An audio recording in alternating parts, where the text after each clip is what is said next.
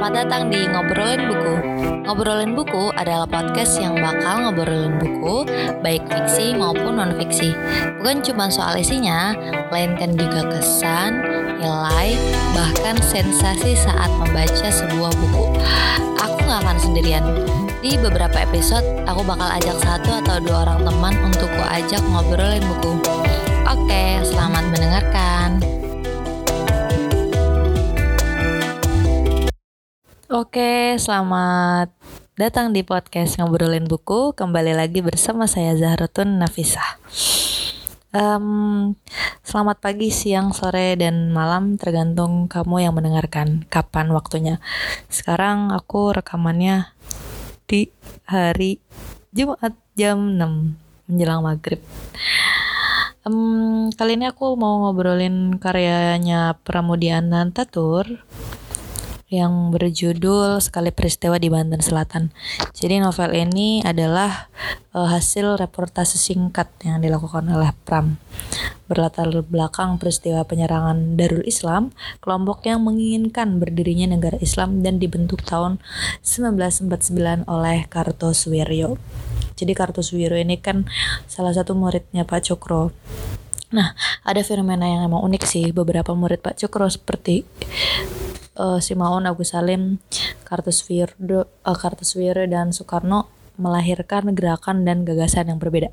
Tapi mungkin next kita akan nggak kita, saya akan saya dan dengan salah satu teman mungkin nanti akan membahas itu.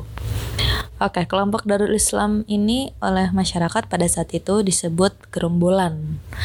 Begitu juga novel ini kerap menggunakan kata gerombolan gitu. Novel ini terbit pertama tahun 2004 oleh penerbit Lentera di Pantara dan hmm, jumlah halamannya ada 176. Terdiri dari tiga bab. Menokohkan Ranta sebagai tokoh protagonis yang memerankan alur cerita dari awal sampai akhir. Sedangkan beberapa tokoh antagonisnya salah satunya adalah Juragan Musa dan kelompok-kelompok Darul Islam sendiri.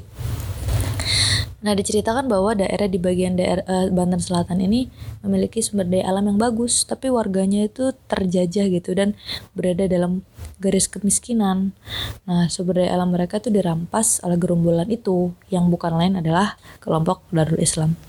Kondisi warga yang selalu terjajah membuat mereka nggak bisa mengelola SDA dengan baik, sehingga mereka selalu berada dalam kemiskinan, dalam ekonomi yang buruk.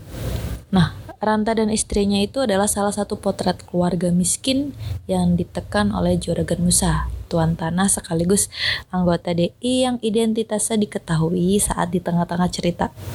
Jadi suatu hari uh, Juragan Musa itu memaksa Ranta untuk mencuri bibit karet di perkebunan yang dijaga oleh kerombolan itu.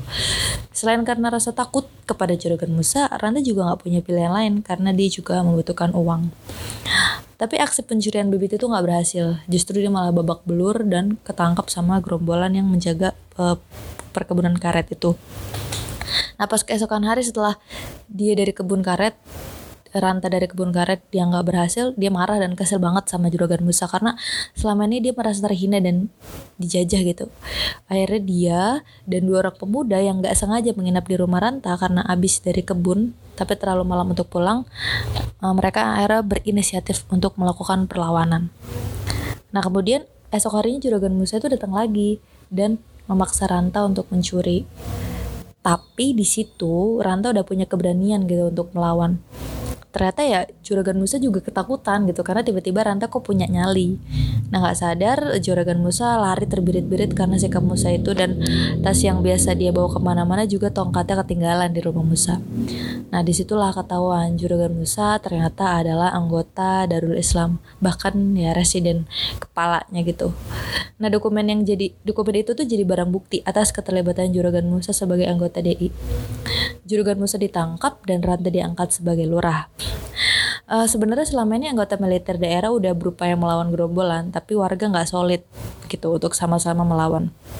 Akhirnya uh, visi Ranta setelah diangkat jadi lurah itu ya untuk menyatukan semangat persatuan agar mau melawan. Nah, singkat cerita, sebelum gerombolan itu akhirnya datang lagi, Rata dan para warga menyusun siasat untuk melawan.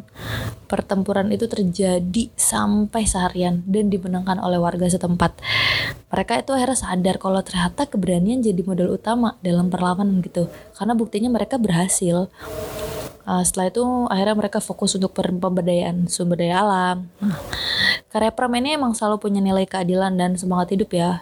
Jadi selain mengangkat soal keberanian, dalam novel ini Pram juga menyinggung soal adil gender.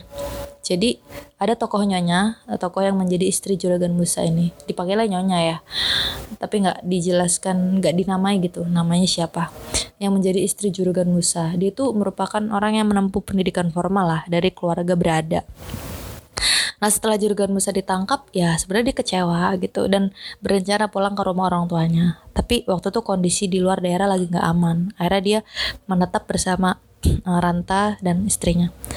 Ya awalnya emang di cerita sebelumnya nyonya juga nggak berdaya setelah suaminya ditangkap karena selama ini dia memang nggak punya kuasa apa-apa bahkan atas dirinya sendiri yang beberapa kali dapat uh, perlakuan kasar dari suaminya. Tapi setelah suaminya ditangkap dan ikut ranta bersama istrinya itu, akhirnya Nyonya punya kesadaran untuk ikut membantu dan memberdayakan warga dengan mengajar baca tulis. Uh, waktu rundingan soal pembukaan akses kebun atau hutan gitu lah ya, uh, Nyonya juga tanya dan protes kok kami sebagai perempuan gak diajak rundingan sih gitu. Kami juga kan punya suara, punya hak gitu untuk menentukan ini dan waktu nyonya akhirnya mau mengajarkan baca tulis uh, kepada warga awalnya warga nggak mau nih. Tapi mereka juga ngelarang istri dan anak-anaknya untuk belajar. Terus rantai bilang kalau emang nggak mau ikut ya jangan larang istrinya juga gitu untuk belajar. Dan Rata akhirnya memberikan kesadaran untuk tidak terus terkungkung dalam kebodohan. Dalam cerita ini tuh ada satu scene ya favorit uh, yaitu saat Rojali penyamping rantai yang dulunya jadi asistennya Juragan Musa nggak berani untuk melawan gerombolan itu. Terus uh, Ranta bilang di mana-mana aku selalu dengar yang benar juga akhirnya yang menang. Itu benar benar sekali. Tapi kapan? Kebenaran tidak datang dari langit. Dia mesti diperjuangkan untuk menjadi benar. Oke gitu aja uh, review aku dari novel Pramudia Anandatur yang berjudul Peristiwa di Banten Selatan. Semoga bermanfaat dan teman-teman bisa baca bukunya sendiri. Wassalamualaikum warahmatullahi wabarakatuh.